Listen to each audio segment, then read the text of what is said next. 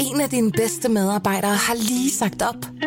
Heldigvis behøver du ikke være tankelæser for at undgå det i fremtiden. WinningTemp indsamler data gennem hyppige og anonyme medarbejderundersøgelser, så du lettere kan mærke pulsen på dine medarbejdere og støtte der, hvor der er behov. Kunder som Alfa Laval, Orkla og Volvo bruger allerede WinningTemp og ser, at det øger trivsel, reducerer turnover og hjælper med at fastholde talenter. Få gratis gennemgang allerede i dag på winningtemp.com. Velkommen til Morgenposten. Berlingskes nyhedsoverblik.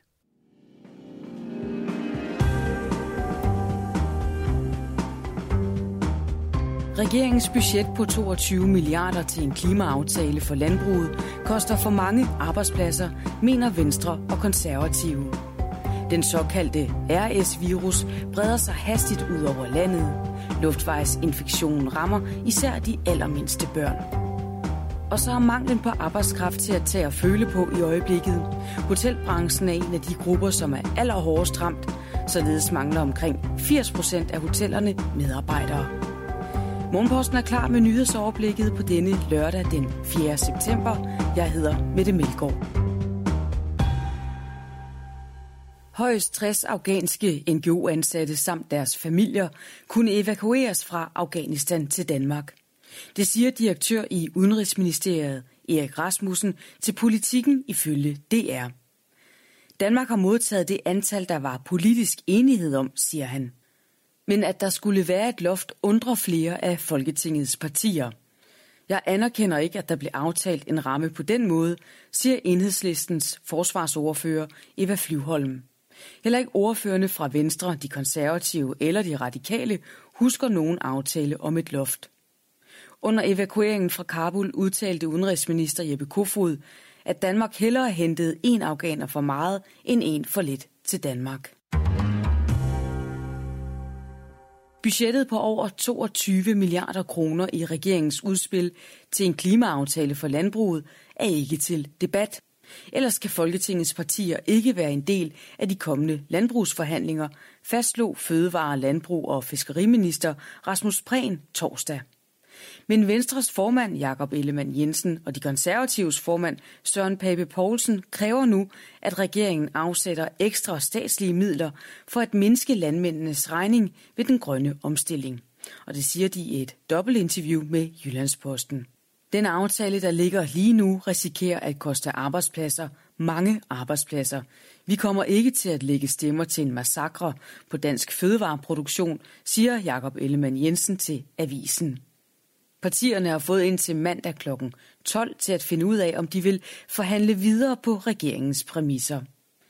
I udspillet foreslår regeringen et klimamål for landbruget, der foreskriver, at der skal reduceres i CO2-udledningen med 40-60 procent i 2030, sammenlignet med niveauet i 1990. Og så skal der reduceres for 7,3 millioner ton CO2 i landbruget. Tidligere hed målet 7,1 millioner ton. Innovationsfonden, der hvert år uddeler over 2 milliarder kroner til danske forsknings- og iværksætterprojekter, har i hundredvis af tilfælde sidste år undladt at sende eksterne vurderinger af projekterne i partshøring hos ansøgerne. Og det selv om loven kræver det. Det fremgår af materiale, Berlingske har fået agtindsigt i. Partshøring er et grundelement i forvaltningsloven, og det er helt klart i den alvorligere kategori, når en myndighed glemmer det, siger professor i forvaltningsret på Aalborg Universitet, Sten Bønsing. Professor i forvaltningsret på Syddansk Universitet, Frederik Våge, kalder det ret overraskende, at en fond, der forvalter så mange penge, ikke har haft styr på så elementær en del af processen. En regel om, at virksomheder i arbejdskonflikt skulle være afskåret fra at modtage lønkompensation. Ja, den regel indførte erhvervsminister Simon Kollerup i forbindelse med coronakrisen. Og det var ulovligt, mener restaurantkæden Jensens Bøfhus. Men Folketingets ombudsmand afviser nu i en afgørelse til bøfkæden, at dette skulle være tilfældet, og vil på den baggrund ikke gå videre med sagen. Jensens Bøfhus er den eneste kendte virksomhed, der ikke har modtaget kompensation på grund af konflikt.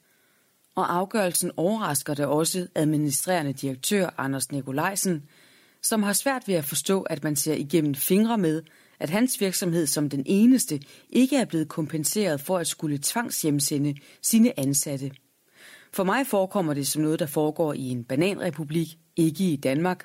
Jeg er simpelthen blevet ramt på min retsfølelse, siger han til Berlingske. Hotelbranchen er en af de grupper, som er allerhårdest ramt af manglen på arbejdskraft. Omkring 80 procent af hotellerne oplyser til Danmarks Statistik, at de mangler medarbejdere. I lørdagens avis springer Berlingske et interview med direktør på Kokkedal Slot, Kasper Hebøl Harbo, som mangler fem kokke. Det betyder flere lukkedage, og at han selv må trække i arbejdstøjet. Vi har to restauranter på slottet, og jeg har måttet lukke den ene. Jeg har ikke personale til at holde den åben. Jeg har ikke kokke til at lave maden og tjener til at servere, siger Kasper Hebøl Harbo, der også er direktør på Hotel Bretagne i Højersholm. Manglen på medarbejdere betyder blandt andet, at restauranten kun er åben i fire dage i stedet for en fuld uge, og det koster mellem 20 og 30 procent i omsætning. I øjeblikket ligger behovet for arbejdskraft også højt på den politiske dagsorden, da genåbningen efter coronakrisen har sat gang i aktiviteterne.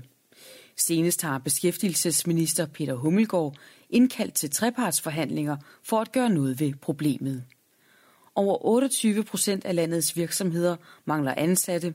I restaurationsbranchen er det 68 procent, mens det som nævnt gælder for omkring 80 procent af hotellerne. Artiklen er skrevet af Adam Geil, og du kan læse den i sin fulde længde på berlingske.dk eller i Dagens Avis.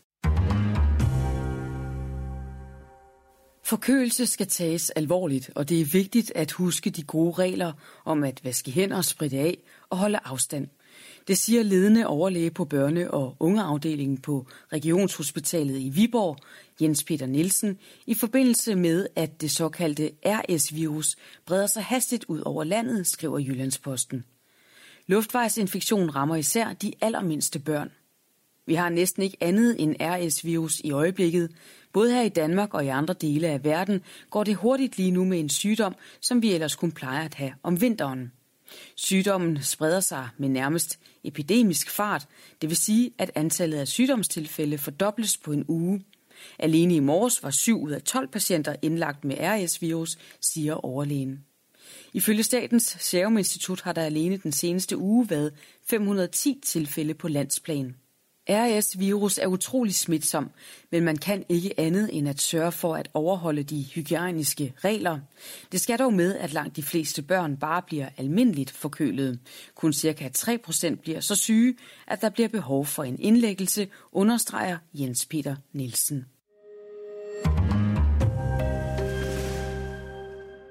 Og her til sidst tager vi et kig på kalenderen og nogle af de begivenheder, der finder sted i dag. Dronning Margrethe modtager Indiens udenrigsminister Subramaniam Jai Shankar. Det sker på Fredensborg Slot kl. 12. I aften spiller det danske herrelandshold i fodbold den næste kamp i VM-kvalifikationen, og efter onsdagens sejr over Skotland i parken gælder det opgøret mod Færøerne på udebane. Morgenposten runder af for nu, men vi er tilbage i morgen tidlig fra klokken 6, hvor det er Tue Sørensen, der står for Berlingskes tidlige nyhedsoverblik. Tak fordi du lyttede med. Jeg vil ønske dig en rigtig god lørdag.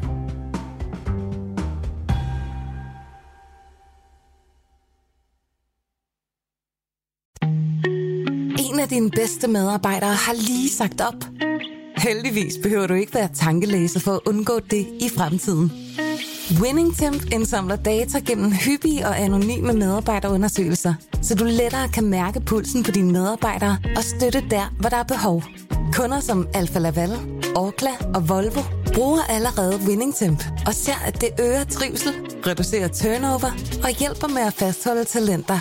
Få gratis gennemgang allerede i dag på winningtemp.com.